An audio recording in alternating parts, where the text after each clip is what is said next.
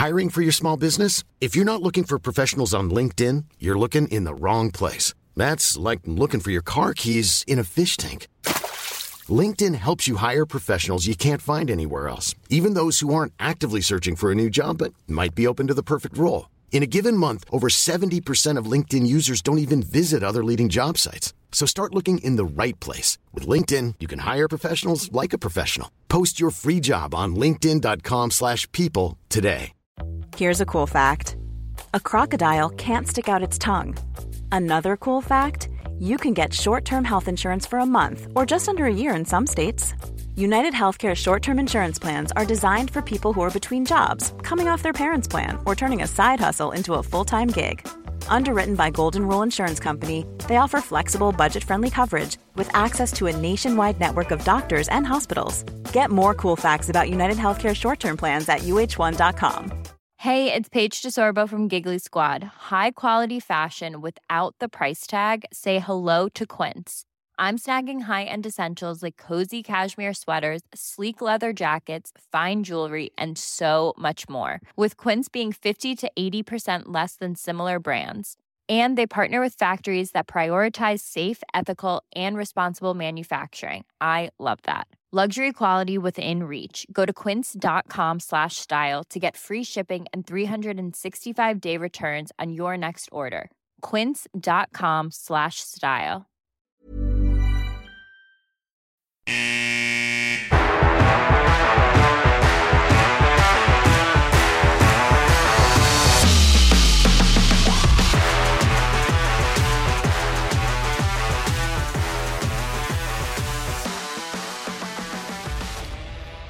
God jul och snart gott nytt år får vi på eh, Vita Gula Blå-redaktionen hälsa alla er HV-fans. Jag och Jonas har samlats här denna kväll den 28 december.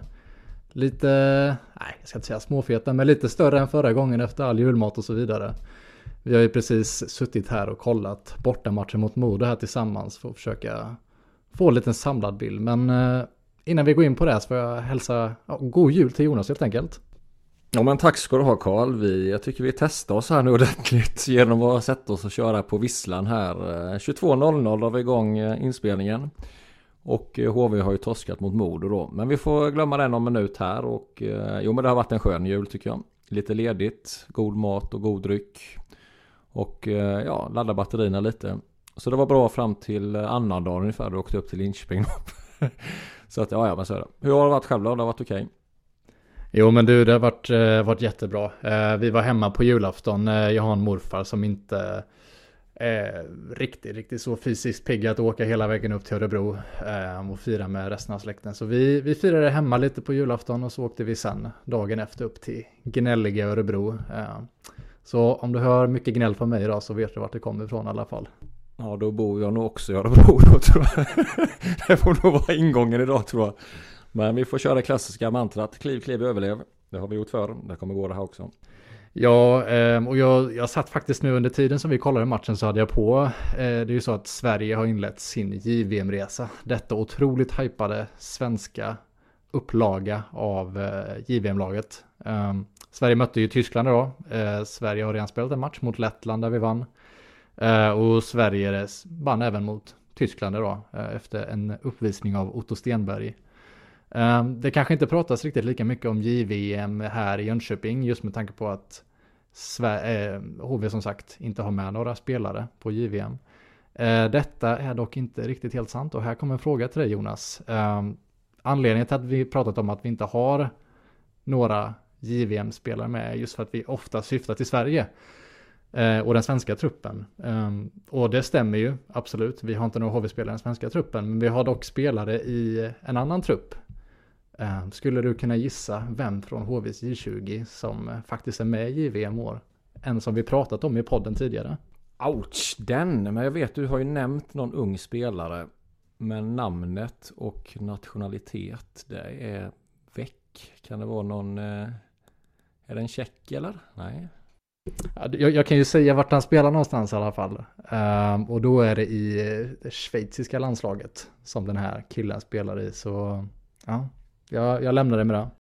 Jag skulle tippa på Schweiz då, men namnet har gått mig förbi. Det skulle ju varit roligt om det var en Kevin Fiala, för då kunde man sagt att han är Fiala bra ju. Ja, det är nästan det hamnar på olydiga listan. Tomtens olika lista efter den alltså. ja, men den, nej, men du, du är inne lite på, på, det är en spelskicklig spelare i alla fall. Eh, likt Fiala. Eh, nej, men faktiskt det är Jamiro Reber som blivit uttagen till det schweiziska landslaget och fått spela i en andra kedja där. Ehm, en passskicklig center som gjort en del highlight reels goal under hans tidigare sessioner i schweiziska U18-laget och så vidare. Nej, så han har faktiskt blivit uttagen där, men det är intressant för det har, har inte synts till någonstans eller hörts att det snackats om någonting. Men det är en ganska lovande ung spelare som kommit upp som nu får chansen i det schweiziska JVM-laget. Så det, om ni har tid och det, ni saknar hockey till att stimulera er hockeyabstinens, då är det bara att slå på eh, det schweiziska JVM-laget och kolla på Jamiro Reber och få drömma sig bort till HV-laget om några år bort. Då får vi hoppas han fortsätter utvecklas då så kanske han dyker upp i ett lag där som vi håller på och håller lite närmare. Eh, vi kan nog inte, eh, vi måste nog ta det här nu, tjuren vid hornen och eh, börja analysera veckans matcher. Eh, jag var ju iväg i eh, Linköping i tisdags. Och eh, ja, alltså man vet ju egentligen hur det ska sluta till slut. Jag tycker ändå det var en hyfsad bortamatch i två perioder. Men då efter att Linköping tar ledningen så har vi det här tusen gånger förr och vi kommer nog se det några gånger till den här säsongen att det blir lite felbeslut, det blir stressat och det blir eh, ännu en bortaförlust där då. Och eh, ja, vi håller ju på med självplågeri nu Karl. Vi har ju kommit till den insikten här nu att eh, vi tittar på alla matcher, vi skriver om matcherna och vi pratar om matcherna. Eh, men jag måste säga att när man sitter där eh, med 8000 som håller på det andra laget som då börjar nynna och sjunga sista minuten att HV åker ur, la la la, HV åker ur. Då kryper det i kroppen kan jag säga på mig, men jag visar ingenting. Men då har jag en fråga till dig tillbaka här. Vad tror du jag gjorde när matchen var slut och man hör den här sångarna i gången när man är på väg ner i trappan där? Du får två alternativ när de sjunger den här sången. Är jag tyst så den sura gubbe jag går och sparkar lite sådär marken som ett litet barn gör när man inte får som man vill. Eller kontrar jag med någon form av sång? Eh, ja du, eh, vad ska man säga? Jag, jag kontrade en gång med sång när vi åkte ur 2017-18 och då höll man på att åka på ganska stor stryk. Vi fick en vandaliserad van. Så jag, jag gissar väl att du gjorde en typisk Svensson och knöt näven i fickan och surade vägen ut. Jag önskar jag hade gjort det, men jag kände att jag var tvungen. Så jag svarade med en annan sång tillbaka. Under samma tema, fast den var så här då. 00 SM-guld, SM-guld, 00 SM-guld.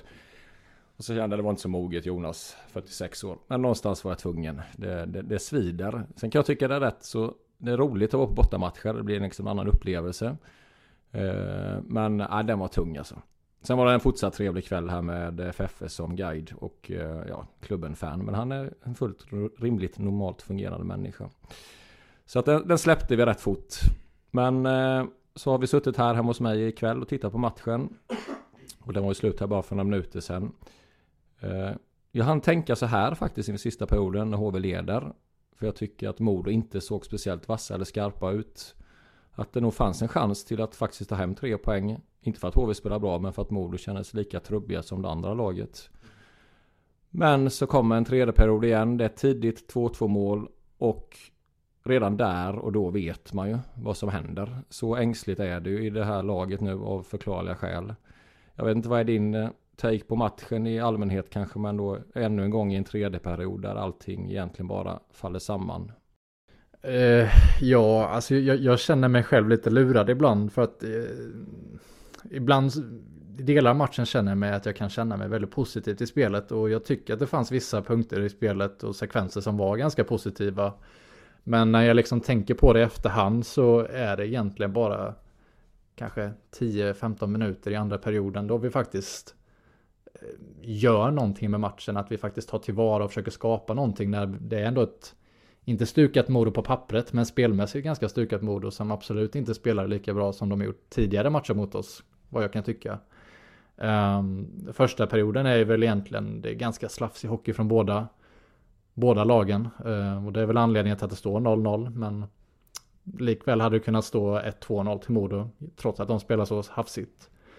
Eh, vi kapitaliserar ju lite mer i andra perioden men ja, man märker redan i slutet på andra perioden. Fem minuter kvar att det, det är ett annat mindset på det här andra laget som vi möter och de får en helt annan rulle på oss när de får lite go. Eh, en rulle som vi absolut inte lyckas få på dem egentligen. Ehm, och inför tredje perioden när Lindbom pratar och säger att ja, men vi måste hålla oss kalla, försöka gå framåt och göra någonting med det här. Då påminner mig lite om 4-0 eller 4-1 läget som vi hade i Göteborg när vi tappade allting i sista perioden också. Um, och nej, det var en helt annan mentalitet um, som finns i, i Modo. Som jag vill säga snarare har en mer normal mentalitet och det är HV som har en ganska svag mentalitet i det. Det är lite som du säger, och Sen ska vi också ha det i åtanke att om man hade tittat inför matchen nu 10 senaste så har HV samlat ihop 12 poäng och Modo 11 inför. Så det är ett, ett Modo i dålig form.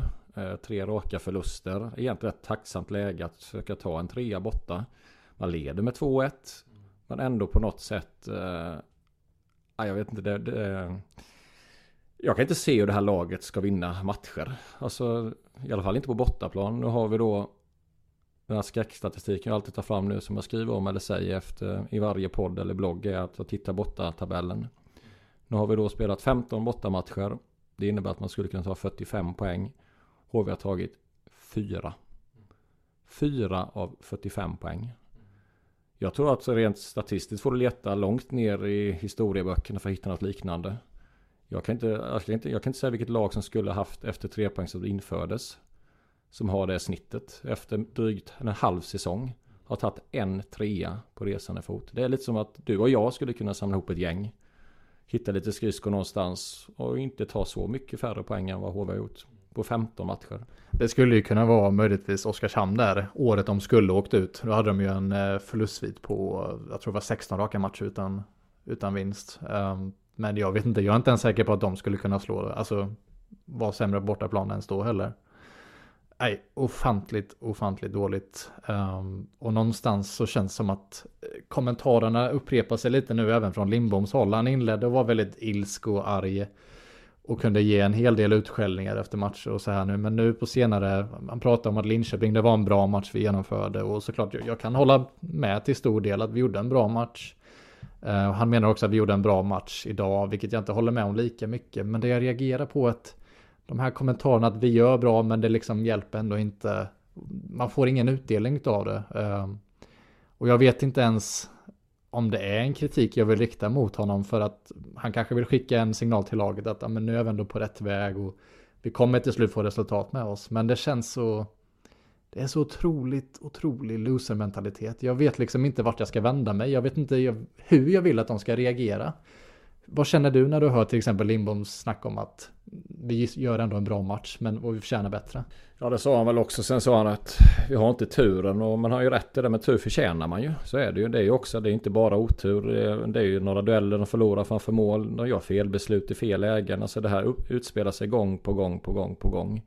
Och det är ju inte otur. Det är ju egentligen ren oskicklighet. Att i sak är det för dåliga spelare som har totalt eh, obefintligt självförtroende just nu. Åtminstone så länge de är på bortaplan. Och, eh, men jag vet inte sen. men Vi satt ju idag och pratade under matchen. Vi säger ju hela tiden det är en, det är en, en väl fungerande kedja. Som känns att de får lite istid i anfallszon och skapar chanser. Det finns lite spets i stål och yra, sen får läge då blir det mål. Shore gör sitt jobb och Lens eller Lens. Det är ju den kedjan.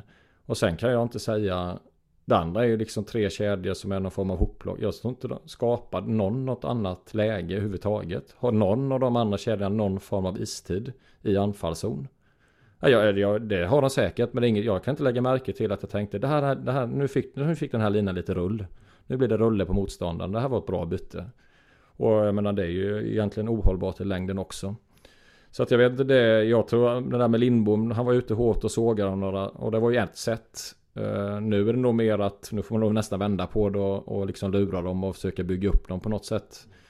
Uh, för att nu är vi ju nere på ett snitt där Lindbom knappt har höjt det så mycket efter egentligen tränarbytet. Det är väl några från 0,83 till kanske 1,25 1,30 eller något då. Och uh, nej det är otroligt bekymmersamt. Men jag sitter också och tittar så här, vad, vad är det han ska trolla med om man tittar jag har pratat om det här innan. Poäng per peng kan man ta på lag. Du har en spelarbudget. Det kan du ta liksom spelare för spelare då. Det är liksom högavlönade spelare. Borgström 26 matcher 14 poäng. 14 poäng är inte dåligt men jag tycker spelmässigt händer det egentligen ingenting. Sen André Pettersson är borta. Det händer ju ingenting. Isak Brännström 26 matcher 10 poäng. Vi kan fortsätta. Mattias Tedenby 25 matcher 8 poäng. Fredrik Forsberg 28 matcher 6 poäng. Tommy Ticka värvar som andra cent i början. 21 matcher 5 poäng. Eh, jag vet inte vem som skulle få fart. Alltså, det finns inte så mycket att bolla med heller. Jag ser inte vad, vilka kedjeändringar ska du göra om nu. Det var en sak som inte fick hända. Det är att André Pettersson går sönder. Och nu står vi där och då faller ju egentligen en andra kedja som vi har pratat om med Brännström och Borgström som var ju grymt på de första tre matcherna i serien. Så det, det finns ju något där för alla blir ju bättre med André Pettersson när han är i form och hel. Det är ju liksom fakta. Då skulle vi kunna haft en andra lina som producerar bakom då den första som är bra. Men jag ser det, jag tycker det är sånt kompetensglapp från eh, första linan ner till resten. Så att jag, jag som motståndare måste vara jättetacksamt. Sätt dina bästa def mot första och sen kan vi nog liksom spela. Sen äger vi spelet. De andra kedjorna möts. Så att nej, den... Eh, jag, jag tycker ändå stundtals med Linköping att det var en bra bortamatch. Faktiskt. Idag, det, nu var det ett steg tillbaka igen. Det, ja. Nej, jag, jag är jättevillig att hålla med. Eh, det är Shore, eh, Lyrenäs och Lench tycker jag är en jättebra kedja. Jag tycker de kompletterar varandra jättebra. Eh, annars, resterande kedjor tycker jag Fisker eh, kliver upp och gör oftast bra insatser och har växlat upp på positivt sätt tycker jag. Annars så tycker jag att inte någon alls egentligen förutom Simon Önerud, eh, kanske varannan var tredje match. Tedenby gör en okej okay match också. Annars så är det väldigt, väldigt dött. Um, nej, händer inte alls mycket och jag har väldigt svårt att se att man fort, kan fortsätta så här utan att plocka in någonting. Åtminstone som uh, ersättare till Andrea Pettersson. Um, det funkar liksom inte riktigt när det är en så vital spelare att, att han är borta på det sättet. Och jag kan inte heller se oss egentligen fortsätta med det här försvaret. Jag tycker det, det håller liksom inte. Uh, jag har väldigt svårt att se att uh, de här fortsätter på det här sättet. Sjöholm, Seppele fick det inte alls att funka och jag tyckte den var otroligt, otroligt svårspelat. Strålman såg ganska seg ut idag också. Inte den här generalen som vi var vana vid i början av, av serien. Eh, Fransson gjorde det okej okay, tycker jag. Eh, behöver ju såklart lite tid på att få växa in i den här SHL-kostymen. Nej, så jag tycker att det, det skulle egentligen behöva komma in någonting, eh, både forwardsmässigt och defensivmässigt. Men såklart, det tar ju också upp frågan då, hur mycket det, det rör till. Samtidigt så blir ju också en annan fråga utöver det då. Vad finns det att röra till som inte redan är rörigt i sådana fall? Eh, det enda som är säkert nu liksom är att ja, Ortio gör en bra match kanske. Ehm, um, Dickov såg ganska lovande ut i Linköping. Um, nej, jag vet inte. Det känns ganska tomt liksom. Jag vet inte, det är inte så mycket att skrika om. Um, ja, vad tyckte du om Dickov i Linköping förresten? Jo men där, om man nu tar plustecken i den matchen tycker jag han såg rätt stabil ut. Och då har vi ju liksom eh, Brattström dög ju inte som andra slips. Det var ju alla ganska överens om. Så har vi nog ändå en målvakt som kom in liksom och kan avlasta. Eller kanske till och med då ta upp kampen om första spaden kanske lite grann då. Men sen är det, jag vet inte, året man tittar statistik, då hade Brattström hade sämst och Ortio näst sämst. Men jag har också sagt att det finns ju ingen målvakt i hela världen som kan vara så utlämnad som Ortio är. Om du tittar var de får ta lägen ifrån. Det är ju 3 mot 1 och 4 mot 0 och 7 mot 0 också, det bara säga ibland. Så det är otroligt svåra lägen att få. Sen eh, jag, känns det som att han inte orkar vissa matcher. Och så faller något enkelt mål in och då är liksom proppen ur. Så att jag vet men det, men det, jag kan alltså, det är klart att uh, jag, jag, tycker så här Karl att jag är nästan mer bekymrad nu än vad jag var när det var alltså vid juli förra året vid den här tiden. För då visste man nästan på något sätt att det skulle komma in spelare, att det skulle hända någonting. Eh, men nu, alltså, vad ska de hitta? Spelare? Alltså, vad ska de få in eller vad ska komma? Vad ska de in och röra om? Det här kommer vara till stor del den här befintliga gruppen som ska göra det. Sen visst, man kan hoppas att spelare kommer tillbaka. Men det så, det var som vi sa med Nettinen, ja han var ju frisk nu. Eller hel i alla fall från skadan. Men då blir han ju sjuk. Det är ju, och det har vi ju sett innan. Så att eh, nej, och visst, och, men folk rabblar lite det här som förra året. Men vi kommer ihåg vad hände förra året. Det var helt otroligt hur vi kunde vända den säsongen. Jo men det hände en gång på hundra år. Den poängutdelningen. Och det var, och det har vi också sagt innan, men det kan vi inte nog punktera hur otroligt bra André Pettersson var sist. Alltså det var ju, han var ju SHLs skickligaste spelare. Han tog ju laget på sina axlar och bar det själv i stort sett till nytt kontrakt. Och är han nu då långtidsskadad, skadad eller dag till dag eller testa. Jag menar, han kommer inte vara hundraprocentig den närmsta veckorna. Det är ju helt omöjligt. Jag menar, han kommer inte träna i stort sett. Det blir ju rehab och sen försöka spela 10-12 minuter kanske då. Jämfört med förra året då han spelade hur mycket han ville och gjorde poäng. Så att nej, jag, jag är så här. Den här Nej, den här, den här kvällen nu mot Modo, mot ett formsvagt Modo. Där deras ledare inte spelat producerat på länge. Och ändå tappa en ledning igen. Ja, ehm, och det här, men ja. Det ska bli inte kul, det ska bli intressant att se när man sitter i eh, Husqvarna Garden på lördag. Om det finns något med hemmaspelet fortfarande. Om det, finns, det, är, det, är där jag känner, finns det en växel där att de känner sig tryggare? För jag tror att tittar du hemmatabellen ligger de 7-8 någonting kanske. Alltså mittenlag hemma. Jag har ändå sett att där har de tagit bra poäng efter Lindboms inträde. Att det kanske händer någonting i gruppen då. För, men annars eh, börjar det se ut så här. Just det där, inte, inte håglösa, men de, de, de tror ju inte på det själva till slut. Alltså det blir ju, de, de kan ju inte se hur de ska kunna vinna en hockeymatch när de sätter sig i bussen eller flyget. Ja, men jag tror du ser, de viker ju ner sig. Det krävs så lite. Så lite krävs det på bortaplan nu. Det kan vara ett felbeslut, någon tar inte en hög klubba i ansiktet. Och nu sa de att det studsar på en spelare in. Jo men det gör det ju i hockey. Det händer ju sådana saker hela tiden. Det händer i varje match för varje lag. Men vissa lag kan resa sig på den. De kan vända underläge i slutminuterna. Jag sa den där morden, nu kommer snart 3-2 och den matchen är slut sen. Den är 100% slut. Tyvärr. Nej, och jag, jag, jag minns jag tog med min bror på eh, Frölunda-matchen hemma. Eh, vi hade chans att kunna verkligen vara med, komma upp och ta igen det här glappet som vi satt oss i. Och vi vann eh, med nöd och näppe och helt plötsligt var det bara en poäng upp till Malmö. Och allting kändes hur skönt som helst inför det här uppehållet. Och tänker man nu att tänk om man får vara spelare i HV nu och känna att shit, nu är en match ifrån liksom och kunna verkligen ta oss över det här strecket. Vi har ett landslagsuppehåll som kommer nu. Vi har inga spelare som behöver åka iväg. Nu är det verkligen bara ladda, ladda, ladda verkligen. För nu har vi chansen verkligen. Och vi har chansen tidigt att komma ikapp än att det är februari. Om man med nöd och näppe tar sig förbi det där strecket. Men så sker det någonting om man torskar 6-1 borta mot Oskarshamn. Och jag bara, jag förstår inte hur det är möjligt att när man jobbat ikapp det här det här mellanrummet som var mellan HV, Malmö, Rögle, Modo. Alltså, och så gör man sådana här insatser och förlorar, vad är det, tre raka nu sen uppehållet tror jag. Det, det är helt oförståeligt för mig och efter denna kvällen så hade vi chans att alla andra matcher gick med oss. Rögle förlorade, Malmö förlorade. Vi hade kunnat slå Modo så att det bara skilde fyra poäng mellan oss och Modo. Det hade bara skilt två poäng mellan eh, oss och Rögle. Men likväl ändå nu så skiljer det fem poäng till, upp till Rögle. Som, ja, jag vill ändå säga, de har ju ändå bättre förutsättningar att ta oss upp än vad vi har. Eh, samt att det skiljer ännu mer poäng upp till Malmö och Modo då. Helt plötsligt är vi direkt tillbaka igen hit.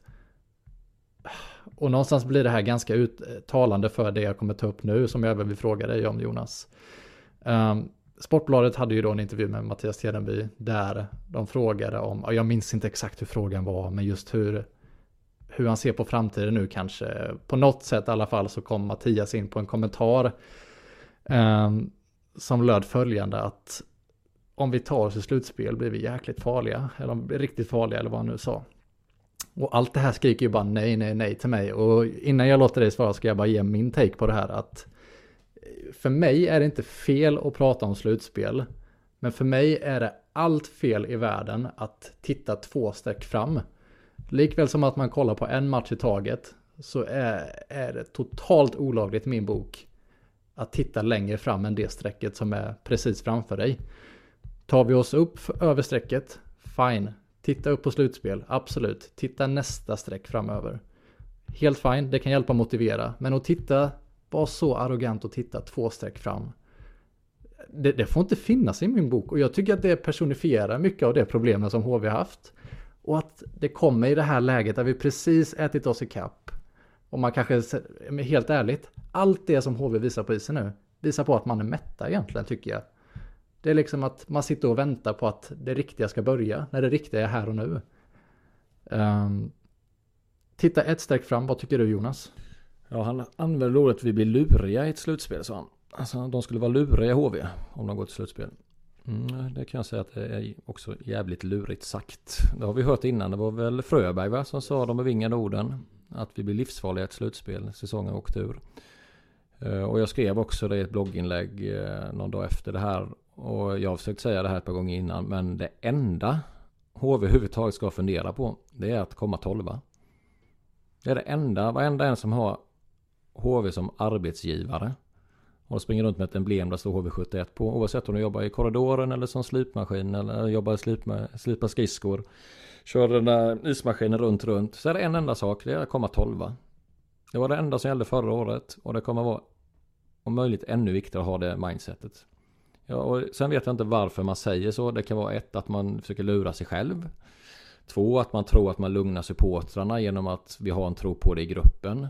Eller tre, vilket jag tror är närmast det här fallet, är att man har någon form av eh, värld, alltså, jag vet inte, något frånvarande till saker och ting i dess, dess tillstånd. Att man springer runt i någon bubbla liksom och kanske tror att någon annan ska lösa det. Så att, eh, nej, jag, jag, jag trodde faktiskt inte det var sant faktiskt. Jag var tvungen att googla upp det, men eh, det var så det var sagt.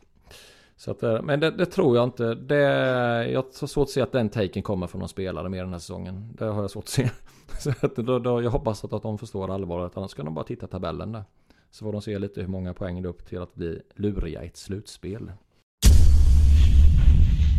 Då tänker jag så här Karl att vi har fått en hel del frågor egentligen både under hösten och framförallt inför det här avsnittet. Så jag tänker att vi öppnar en frågelåda och sen så ja, kör vi frågorna helt enkelt så får vi svara så gott vi kan vad vi har för takes och ingångar på det hela. Så första frågan är från eh, Anna Johansson. Foppa med drygt eh, tre minuters istid i matchen mot eh, Linköping. Har inte haft mycket mer innan heller. Är det hållbart? Tror ni Foppa är på väg bort? Så skriver hon också, sen får ni gärna ösa kärlek över Önerud som man kämpar och sliter match efter match. Ska vi ta en av de största elefanterna i rummet den här säsongen då? Fredrik Forsberg. Så jag lämnar över till dig först så hoppar jag in sen.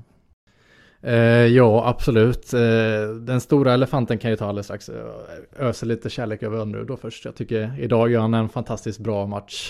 Eh, som Anna säkert är inne på då också. Eh, kanske inte just denna matchen men föregående matcher. Eh, har gjort en otroligt bra övergång till den här nya rollen som han egentligen fått i laget. Eh, man märker att han är ju ganska trubbig offensivt egentligen. Eh, det var ju inte ett jättevackert mål han gjorde i Linköping, vilket du säkert kan vittna om. Eh, men har gjort en väldigt bra eh, övergång egentligen till den här nya rollen. Eh, det blir ju ganska ifrågasättande kanske när han inte får direkt nytt kontrakt. Sen har han ju inte varit jättebra senaste åren. Men jag tycker det blir väldigt ifrågasättande just med tanke på Sund Törnberg Gate för några år sedan där det blev ganska infekterat när inte de fick förlängda kontrakt heller. Um, nej, jag ska inte göra alldeles för lång uh, svar på den här frågan, men ja, Simon förtjänar väldigt mycket kärlek, det tycker jag absolut. Uh, angående Foppa då, ehm, um, den enda ständigt aktuella spelare som uh, Ja, i, i förra säsongen kunde man ju säga att han blandade och gav väldigt mycket. För han hade ju en väldigt, en väldigt stark inledning på säsongen. Men idag har han inte gett mycket alls. Det... Mm, inte alls. jag vet inte riktigt vad jag ska säga Jonas. Det, det, är så otroligt svårt med den här killen. För han, eh, han, han ger absolut inte alls mycket denna säsongen.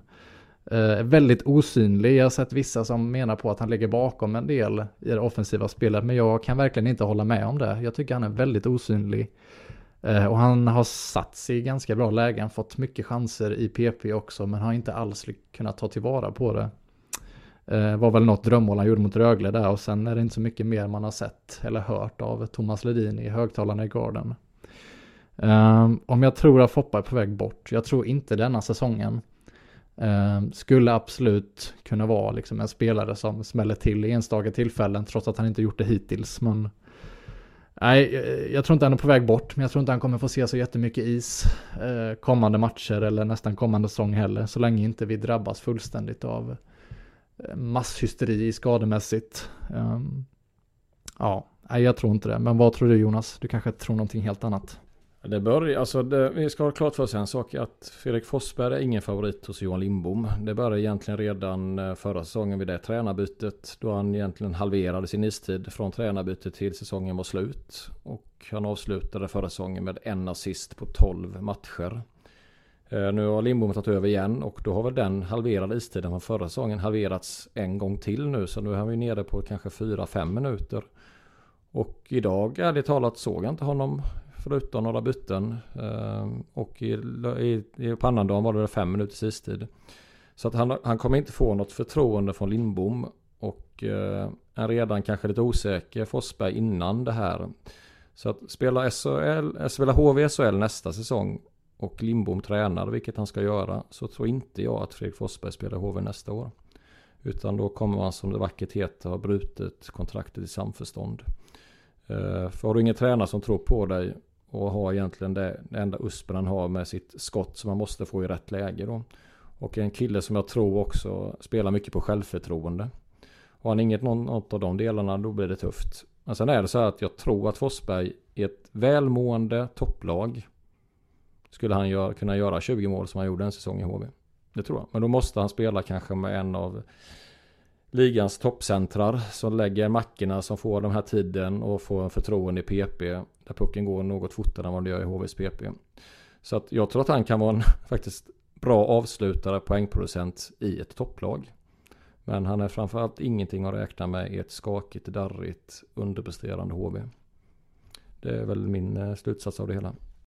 Ja, jag tänker egentligen, det kanske gör ont för vissa att höra det här, men egentligen skriker ju, skulle den mesta skrika Färjestad om det där.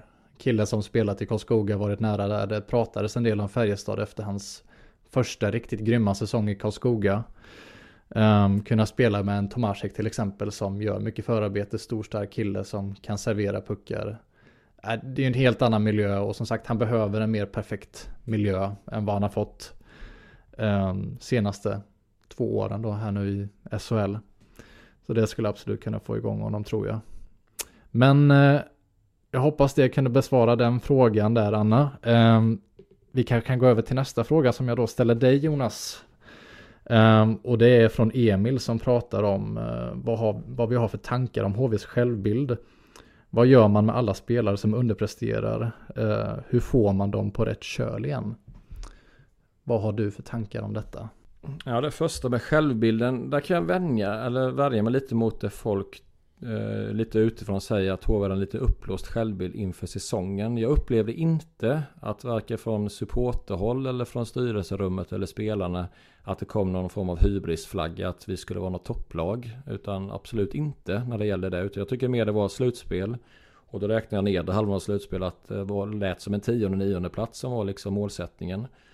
Och skulle vi nog ta alla så kallade experters tips inför säsongen så var det det segmentet HV landade. Eh, så på det sättet tycker jag inte det är felaktig självbild. Eh, det tycker jag mer är lite så här, det är lätt att säga att det var det, det var det för några år sedan kanske efter några guld. Eh, att det var lite hybris och att stora stygga HV liksom gjorde vad de ville riktigt fast de underpresterade. Men jag tycker inte det har varit en felaktig självbild inför säsongen, det tycker jag inte. Och det var det andra med spelare som underpresterar. Alltså HV är nog i det här läget nu att de bästa spelarna ska spela mycket. Spela bra, spela mycket. Nu är vi i det läget att de bästa spelarna måste spela ännu mer. Eh, det är så. Alltså, då behöver inte Shore och Lens och Ståhl Lynes. Om... A lot can happen in three years. Like a chatbot may be your new best friend. But what won't change? Needing health insurance. United Healthcare Tri Term Medical Plans, underwritten by Golden Rule Insurance Company, offer flexible, budget friendly coverage that lasts nearly three years in some states. Learn more at uh1.com. Millions of people have lost weight with personalized plans from Noom, like Evan, who can't stand salads and still lost 50 pounds. Salads, generally, for most people, are the easy button, right? For me, that wasn't an option. I never really was a salad guy. That's just not who I am. But Noom worked for me. Get your personalized plan today at noom.com. Real noom user compensated to provide their story. In four weeks, the typical noom user can expect to lose one to two pounds per week. Individual results may vary. Någon vill vara i bastun dagen efter matchen istället för att träna. Alltså vi förstår lite vad jag menar, att det är krisläge. Det finns liksom inget sätt att få igång de här underpresterande spelarna just nu. Utan det enda som kan gälla och vända där det är att de bästa spelarna är de bästa spelarna. De leder vägen fram till segrar. När segrar kommer, då släpper axlarna även från de underpresterande spelarna. De tar lite rygg på de bästa spelarna och helt plötsligt kan det komma in lite poäng där. Så vägen till det är att de bästa spelarna får spela ännu mer på bekostnad av de underpresterande spelarna. Tills det börjar bli segrar. Det är nog mitt enkla svar på det. För det, det sitter ju liksom otroligt mycket mellan axlarna, mellan öronen. Naturligtvis. Det, det är nog min take på det. Eh, jag är inne på helt, helt samma sak som du säger Jonas, jag håller med dig fullständigt. Och vi kunde faktiskt se i några sekvenser här i Modematchen nu att Shore hoppar in till och med med fjärdekedjan eh, med Önerud eh, och spelade till och med där, tog ut Ticka en liten stund där och så spelar han ju med då även i första kedjan när de hoppar in. Sen så såg vi att man faktiskt bytte plats på Ticka och Shore. Möjligtvis för att man kände att eh, fjärde kedjan faktiskt kunde bidra med någonting. Vilket de sen gjorde när Önerud kunde servera Fransson till ett reduceringsmål 4-3. Men eh, ja, nej, eh, man kan ju säga att Ticka gjorde ju inte så jättemycket med första kedjan när han väl fick chansen där heller. Um, och självbilden, jag hinner på samma sak som du säger även där, att jag har aldrig tänkt HV att de skulle landa, landa på någon topp 6-plats. Absolut inte, och de flesta människorna gör inte det heller egentligen som är i de här kretsarna. Um, man får väl säga att eh, de flesta, som du sa, de flesta experterna tippade HV där 8, 9, 10, 8 som bäst kanske. Det är bara Mr. Maddox Svensson som var rysligt korrekt med sin näst sista placering som han satte oss på. Vadå, vad menar ni? Med den här truppen? Vad är det som är så bra med den här truppen? Han var ju riktigt... Han gick, han gick ju bananas där. Tyvärr är det ju han som har haft mest rätt tror jag, för han tippade de 13 tror jag. Eller de, vi är fortfarande vi när det går dåligt. Men nej, det är som du säger faktiskt. Så han var väl rätt på det då. Mr Madhawk. Ja Jonas, eh, om vi kollar vidare på en annan fråga som då Elias ställer till oss. En ganska stor fråga så jag hoppas att du är med här nu. Eh, hade varit intressant att höra vad ni hade gjort för konkreta ändringar om ni två fick ta över HV för att vända på denna negativa trend. Kanonpodd för, för övrigt, förgyller mina dagar. Jag får säga tack Elias och så skickar jag över frågan till Jonas. Verkar vara en eh, snäll och trevlig kille där Elias. Ja, det var inte den lättaste frågan. Nej, jag tänker väl lite så här, och det har jag också tjatat om, det är en av mina käpphästar. Det är att man tittar special teams. Så tittar man procenten på boxplay och PP. Så lägger man ihop det. Så har man 100 som riktvärde i procent. Och vi har ett powerplay nu på 21 ungefär. Vilket är, det är okej. Okay. Jag ska ta en liten take om det snart. Boxplay 65,33. Det innebär alltså att HV släpper ett mål i box på var tredje då om man säger va. Så har du tre boxplay släpper HV ett mål. Eh, gör man då mål på var femte så kan man med lite matematik egentligen säga att i stort sett om man hårdrar lite att HV i stort sett ligger under matchen med 1-0 när den börjar. Det är vikten av special teams lätt förklarat. Och då vet vi ju hur tight den här ligan är, vad ett mål kan betyda fram eller bak där. Så här får man nog helst förra veckan, för två veckor sedan, efter tre veckor sedan, sätta sig ner och i stort sett riva ner boxplay-spelet och bygga upp det igen. Eh, jag antar att det är Pelle Gustafsson som är ansvarig för det här. Jag antar att man pratar med spelare om hur de vill spela i box. Och jag antar att Johan Lindbom också eh, vill vara med lite på ett hörn. Men har du efter drygt halva säsongen en, en boxplay-procent på 65. Det, det är liksom ohållbart över tid. Det, det, det, är också, vi pratar om att 4 poäng på 45 är historiskt uselt. Jag vågar nog påstå att 65 procent sett över lång tid är inte mycket bättre det heller. Så på något sätt får man då hitta en väg för att spela boxplay. Och jag har alltid upplevt sista åren i HV det är att ibland blir man världens minsta box. Som en liten eh, tändsticksask. Och ibland får man för sig att man ska överbelasta jättemycket på en sida. Och då råkar alla fyra spela på en sida. Och så är det tomt på andra. Eller så försöker man ibland, det jag tycker de flesta andra lagen gör rätt bra, det är att man har någon form av passiv aggressiv box där man stöter i rätt läge. Man vet, man vet vad de vill att man ska passa pucken. Sen stöter de till den spelare som inte är ett hot. För de vet var avslutet ska komma. Det upplever inte jag att HV Ibland tror inte jag att HV typ scoutar motståndarnas PP. För de verkar vara alltid lika överraskade när deras bästa spelare i PP får stå fritt och göra mål. Det är sällan de får göra mot andra lag. Så där, och det måste bli bättre från och med på lördag. Det, det är liksom special teams. PP 21%. Det är inte dåligt. Det, det är helt okej. Okay, men jag hävdar fortfarande att om jag tittar på truppen så är det något HV skulle kunna fixa med de spelartyper de har är ett ännu bättre PP. Och jag sa till dig idag, Karl under matchen. Jag, jag, nu var det inte så mycket idag. De gjorde till och med mål i PP va. Men innan har det varit. Det är att pucken ska gå till Kaski. Och så skjuter Kaski. Och så skjuter Kaski. Och så skjuter Kaski. Och så har han skjutit en gång till. Då skjuter han en gång till. Det är inte jättesvårt när de har matcher någon gång i HVs PP. Och ställa upp en box där du ligger täck på hans skott. För det är ju det enda avslutet. Och sen har man haft Möllegard. Då är det problem med lilledansken som jag gillar. Det är ju att han är ganska ofarlig på sin kant. För han, han har inget skott än. Han kan ju egentligen inte skjuta så hårt. Och då kan ju boxen släppa honom. Och då kan du liksom överbelasta till någon som skulle kunna vara ett hot. Så det blir liksom egentligen ingenting. Så jag sa det nog, släng in Adella på blå som liksom kan dansa, förflytta pucken på blå, skottfinta, hitta luckor kanske till en stål Yrenäs för direktskott. Eller kanske plocka in Borgström på ena kanten som faktiskt också kan skjuta stillastående med sitt handledsskott. Det skulle vara en början till något. För det är därför jag säger det är bra PP-spelare. Jag tycker Nadella ska vara en bra PP-spelare. Borgström ska kunna vara en bra PP-spelare. Isak Brännström var väl en bra PP-spelare i Luleå. Vad jag vet. Så det finns ju, det är det jag menar att är spelet kass 5 mot 5 så kan man rädda en hel säsong med special team siffror.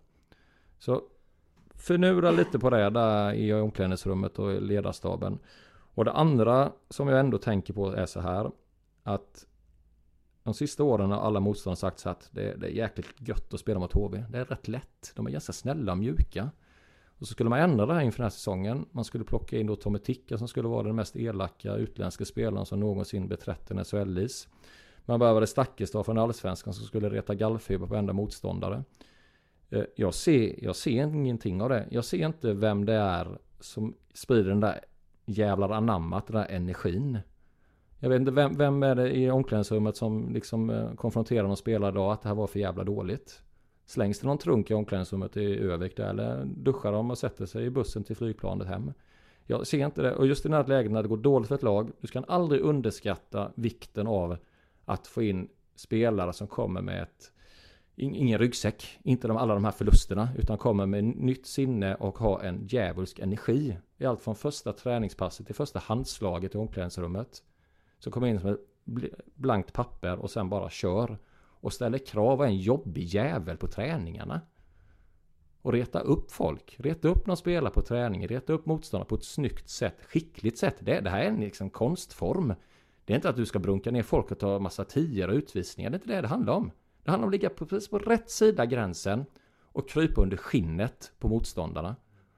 Det, det, det och det, det, det, måste kunna finnas. Jag skulle vilja säga, jag jag nedsättat till André Pettersson, var hittar du den skillsen? Du gör ju det förmodligen inte. Men marknaden ska ändå dammsugas, det kommer det göras nu när jag tittar på tabelläget. Men någon som bara kom in med lite blåslampa-attityd och väcker liksom det här som det är nu, loser-gänget.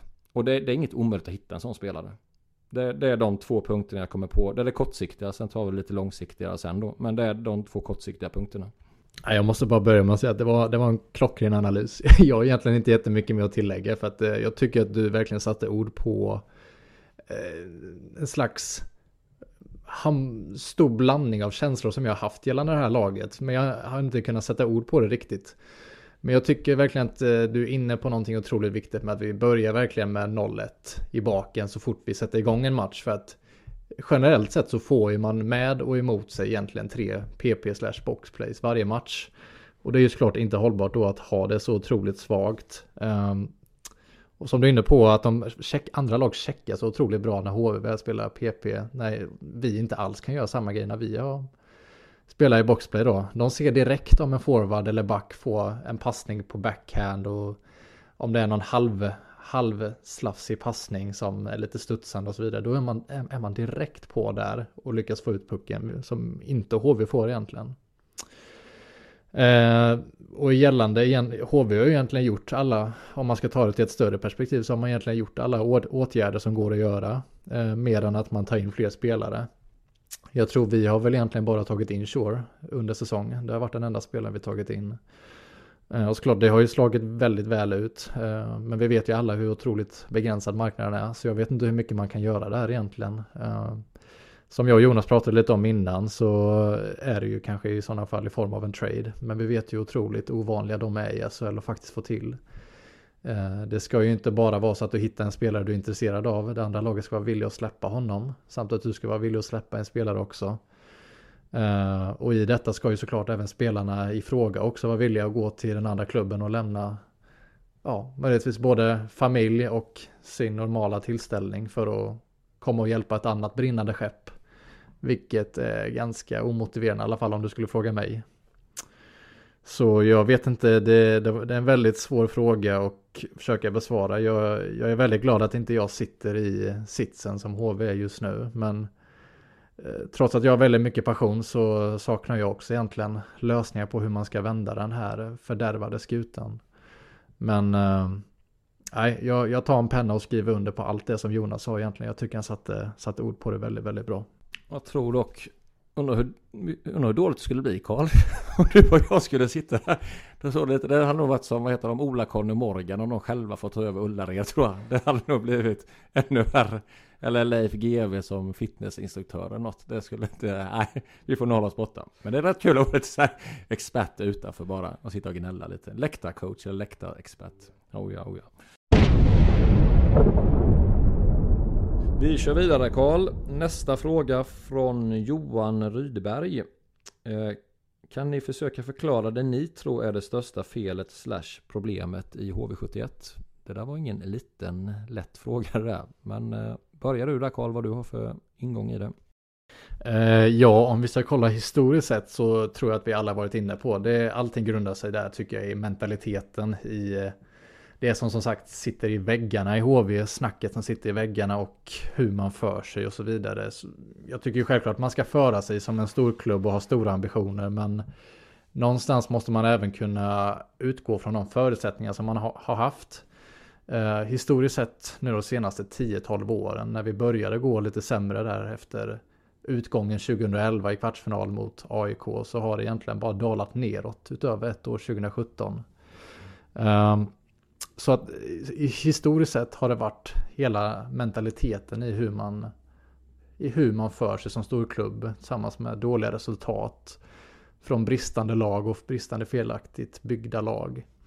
Men eh, jag vill inte säga att mentaliteten var anledningen till eh, Schabraki förra säsongen eller varken, och inte heller denna säsongen ut, utöver vissa uppstickande citat som bland annat Linus Fröberg då gjorde säsongen vi åkte ur samt Mattias Tedenbys kommentarer detta året. Och jag blir inte förvånad om vi hittar någon, någon intervju från förra säsongen där de pratar om slutspel också när man låg i liknande läge som i år. Men om jag går rätt på frågan så tycker jag att årets och fjolårets största fel med HV71 är att vi har felbyggda lag kort och gott. Eh, Kent Norberg är en fantastisk person i sig. Man ska ju såklart skilja på, på jobb och person. Uh, och jag tycker om att han är väldigt kommunikativ och så vidare. Men jag tycker att vi måste slå fast sen en tid tillbaka att både fjolåret och detta årets lag är totalt felbyggda. Jag tyckte det blev ganska uppenbart att eh, tickarvärvningen blev en chansning. Såklart i samband med att han skrev på ett treårskontrakt. Men också förhoppningen om att han skulle kunna hålla på en andra centerposition. Eh, där får man också lägga till att Henrik Borgström absolut inte alls heller har visat sig kunna hålla varken en första eller andra centerposition. Så från att börja med att ha en första och andra center, tilltänkt i alla fall, så har man knappt en tredje fjärde center. För jag tycker knappt Borgström håller på en tredje eller fjärde heller om jag ska vara helt ärlig. Um, och det är ju då bara vad centerpositionen har visat. Um, vi ska inte ens börja prata om vad man gjort med backformationerna heller egentligen. Kaski har absolut inte visat mer eh, än att ha en bra track record på sin Elite Prospect-sida. Eh, och då är det i otroligt offensiva ligor. Eh, som KL, eh, där han eh, såklart ser bra ut på pappret. Men när det kommer till SHL, där underliggande statistik egentligen är allt. Eh, när man spelar i en så pass defensiv liga som SHL är. Då blir man otroligt synad om man inte har rätt verktyg till att vara en bidragande faktor på isen. Vilket Kask inte är. Lika där Mikael Seppel egentligen som eh, egentligen har någonting mer som talar för sig än landslagsmeriter. Ehm, jag tycker han kan vara väldigt bidragande i vissa situationer som att exempelvis få ut pucken. Ehm, men likt där så tycker jag att han blir väldigt synad när han inte har tillräckligt bra medspelare bredvid sig. Eh, I dagens match med Viktor Sjöholm tycker jag båda gör en ganska fatalt dålig match egentligen. Och gör inget annat än att ställa till det väldigt mycket för, för eh, laget när man väl har pucken i egen zon. Väldigt mycket sjabblande. Så en bristande defen, ihopsatt defensiv eh, tillsammans med en otroligt dåligt ihopsatt offensiv som jag tycker egentligen saknar identitet om vad, vad man vill göra för någonting. Man skulle vara arga och stygga, eh, vilket som Jonas var inne på, eh, vilket man absolut inte fått ihop utan mer anonymitet från de här stora stygga spelarna. Eh, då blir det eh, en otrolig brist på vad man egentligen vill ha ut av det här laget. Vad tycker du Jonas? Nej men det är ju klockrent. Det, det är ju bara att konstatera det. Sen hade man ju alltid jag tycker när det kommer så många nya spelare så har man någon form av inkörsport. Den kan vara 10 matcher, den kan vara 15 matcher. Den kan i extrema fall kanske vara 20. När du då kan närma dig halva säsongen då har du lite mer facit. För det är bara att titta, det händer inte så mycket egentligen. Från spelarprestationer och titta halva säsongen sen när du summerar det. Det är inte någon som kommer få någon lidnes knäpp helt plötsligt och börja producera massa. Så, det, det, det, så är det ju. Och jag har lite mer ett vidare bild på det. Och det är liksom det att om vi sitter nu i, i huset här och så börjar det regna in här. Och så när fönsterrutan ramlar ihop och det knakar och så här. Då går inte jag och köper två nya sängar och ny tv. Och nya fina flashiga vitvaror. Utan då får man ju liksom riva ner skiten och bygga nytt hus då. det är lite min. Och då är vi där igen. Då får man börja nollställa igen. Och så något som jag har tjatat med Blå om senast eh, efter matchen mot Linköping när vi satt på restaurang. Man börjar med att plocka en sportchef. Som sen jobbar tätt ihop med en nytillträdd scout. Som sen jobbar tätt ihop med en analytiker. Så börjar man där. Så gör man ut en färdriktning. Så här ska HV71 spela ishockey säsongen 25, 26, 26, 27. Så sätter man en, en gameplan för det. Efter det sen så värvar man en tränare som köper den idén. Då har du ett fundament att stå på. Och då skulle HV kunna bygga upp det här igen. Tror jag, långsamt. Och då är vi där igen med det här tålamodet som inte finns. Men jag kan säga det igen. Senaste tre säsongerna i SHL. 14 plats, 12 plats, nu 13 plats. Otur, oflyt? Nej. Inkompetens? Då får vi börja om igen då. Men börja med de delarna där alla andra klubbar redan har satt struktur med scouting, med analytiker som tittar på grejer. Problemet med HV är att det var HV, HV är för bra att tjäna pengar. De drar in pengar. De har för snälla sponsorer egentligen. De har, du och jag är för snälla. Vi är där och tittar på matcherna och betalar mycket pengar för det. Eh, HV är en kassako fast de inte ska vara det egentligen. Pengarna rullar in. Man lyckades med konststycket att förra säsongen gå plus.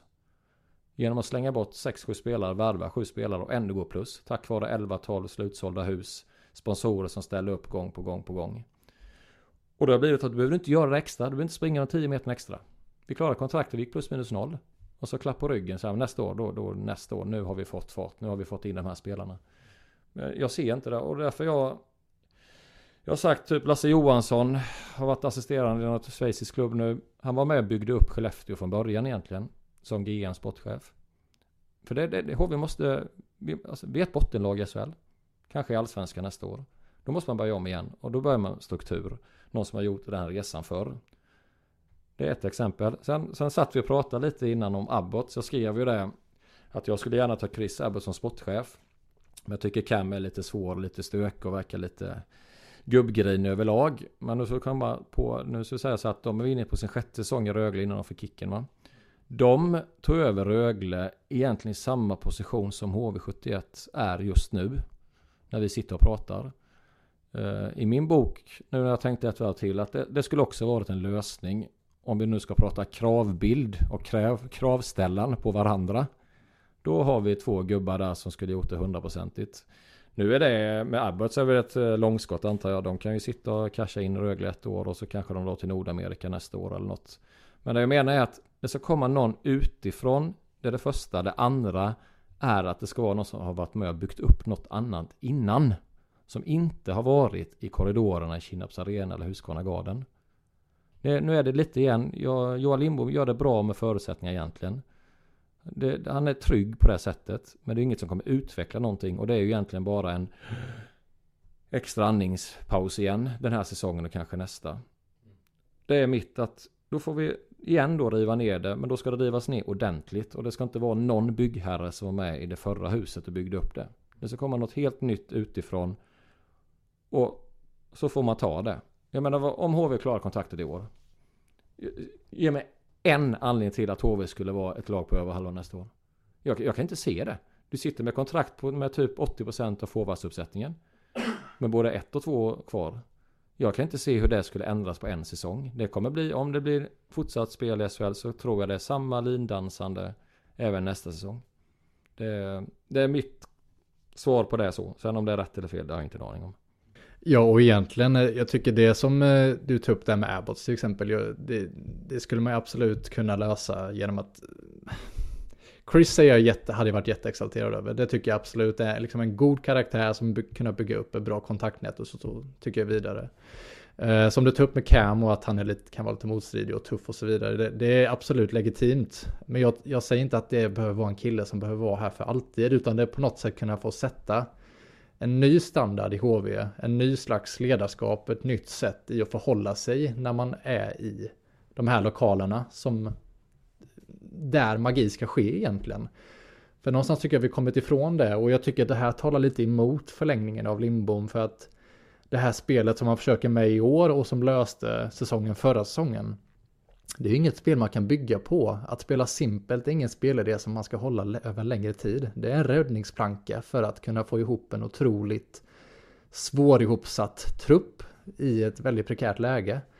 Det är ingenting som man ska utveckla eller gå vidare från utan man spelar simpelt. Att låta spelarna ge sina takes, såklart det ska man också göra, men att låta förändra sin spelidé efter ett sätt som spelarna kan förstå det. Jag tycker det inte finns ett större bevis på att spelarna är felrekryterade till att börja med om man inte rekryterar spelare efter en spelidé från början. Eh, och avsaknaden av, avsaknaden av en spelidé när Montén först kom in, det var så otroligt, otroligt påvisande egentligen. Um, så att det, detta tycker jag talar väldigt mycket emot ehm, um, kontraktsförlängningar av Lindbom. Nu kan det vara skönt att egentligen veta vad man har nästa säsong också. Det kan ge en trygghet i sig, men jag tycker det är på lite fel premisser som man ger det. För att om man söker det som jag och Jonas pratade om, att kunna sätta en idé över en längre tid som faktiskt påvisar sig vara, vara bra och någonting som vi tror på, då är kanske inte Lindbom just nu, så länge inte han ska försöka sig på några idéer från som man hade när han var coach för några år sedan. Men det var en kommentar som jag reagerade över för ett litet tag sedan. Jag, nu får ni vara lite försiktiga vem är här för att jag, jag minns inte vart den här kommer ifrån. Men jag hörde däremot eh, inom HV-kretsar att man pratar om att vi kommer inte sätta en spelare som inte styrelsen är med på och som klubben står för. Och då syftar man ju såklart på allt det här som gällande HB-hockeyn och så vidare och allt det som gäller. Um, och detta var en väldigt underlig kommentar tycker jag för att hur sjutton ska en styrelse och en klubb i helhet sätta en spelidé när allt annat man visat under 2020-talet är total katastrof och har lett till ett evigt lindansande och en urgång förutom då en uppgång vid, eh, från Hockeyallsvenskan. Ehm, detta ska som Jonas var inne på sättas först och främst genom en sportchef och hans noga granskande tillsammans med en analytiker som ser vad modern ishockey i SHL står för.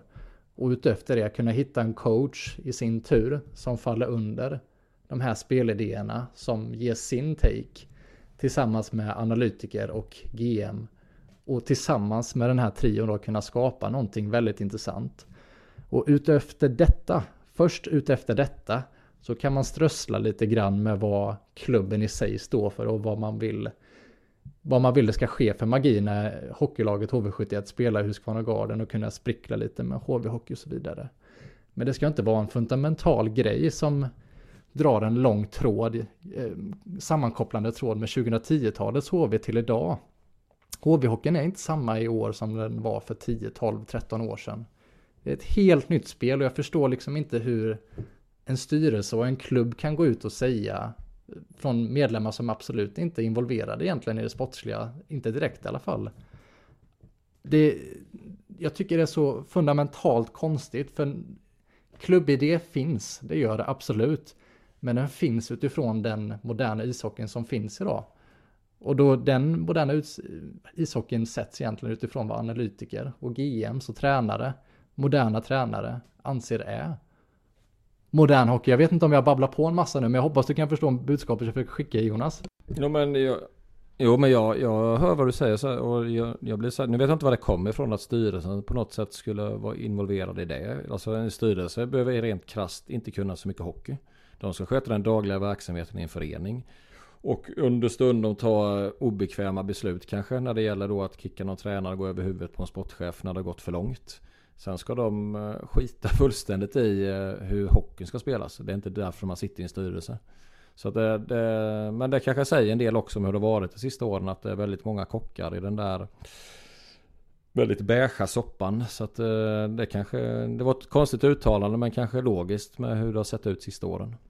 Ja, um, kändes som jag gick på en väldigt stor rant där, så jag tänker att jag skickar över en eh, kanske sista fråga till dig Jonas, ehm, som kommer från Max. Eh, en ganska deprimerande fråga som jag hoppas du är redo på. Du är lite redan inne i det modet efter förlusten ikväll, men eh, jag skickar över en fråga till dig som lyder, slår vi Oskarshamn i ett kval? Tveksam till det. Uh, Max är minst sagt tveksam över det. Jag, jag, på, din, på ditt skratt låter som att du är lika tveksam Jonas. Eh, var det Max? Ja. Ja du Max. Eh, nu, fråga, nu får jag den frågan 23-25 efter eh, säsongens tyngsta förlust hittills. Skulle, de, skulle kvalet börja imorgon så vinner Oskarshamn.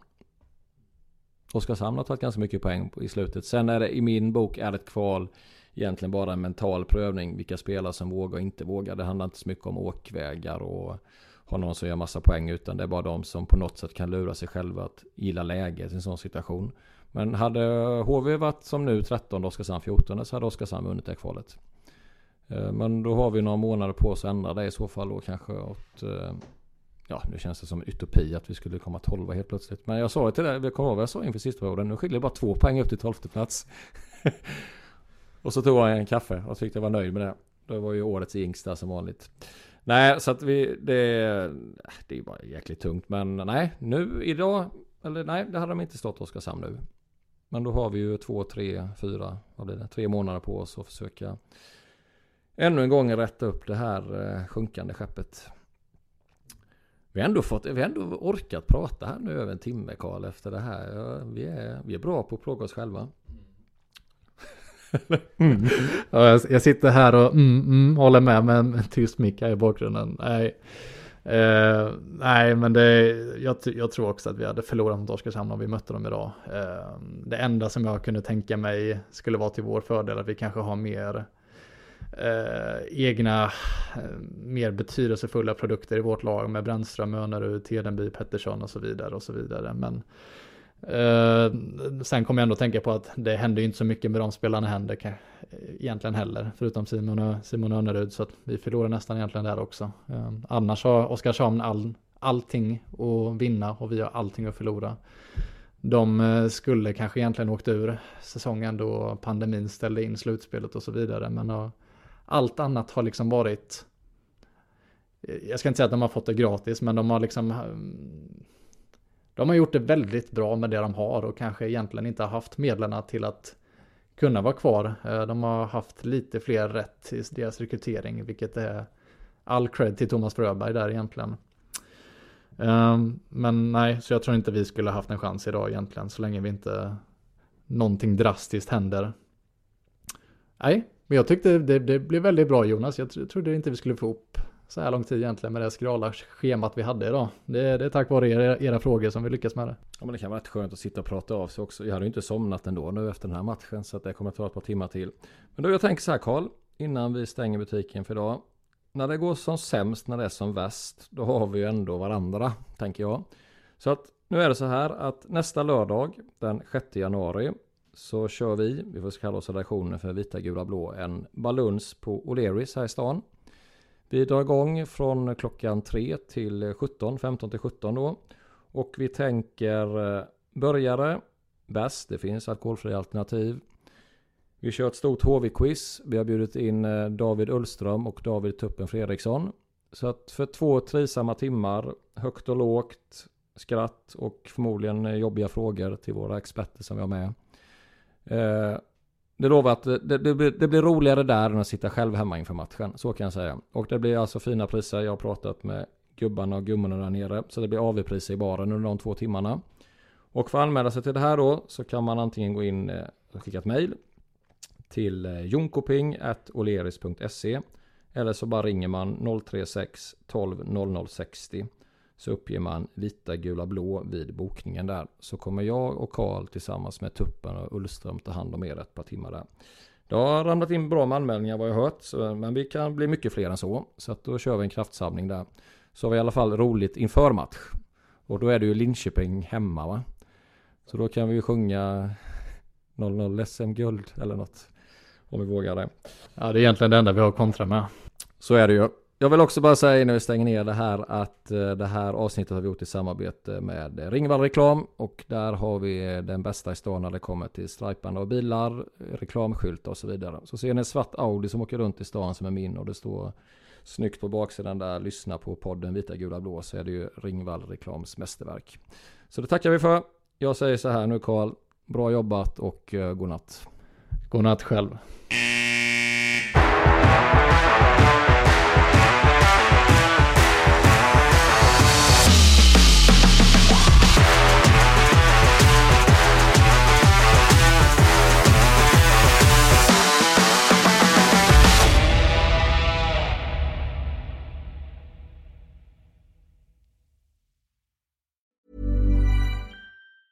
Planning for your next trip?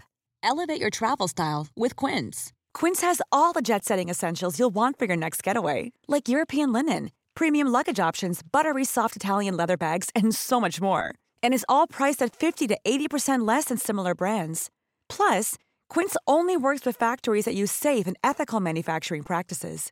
Pack your bags with high-quality essentials you'll be wearing for vacations to come with Quince. Go to quince.com/pack for free shipping and 365-day returns. Mom deserves the best, and there's no better place to shop for Mother's Day than Whole Foods Market. They're your destination for unbeatable savings, from premium gifts to show-stopping flowers and irresistible desserts. Start by saving 33% with Prime on all body care and candles. Then get a 15-stem bunch of tulips for just $9.99 each with Prime. Round out Mom's menu with festive rosé, irresistible berry chantilly cake, and more special treats. Come celebrate Mother's Day at Whole Foods Market.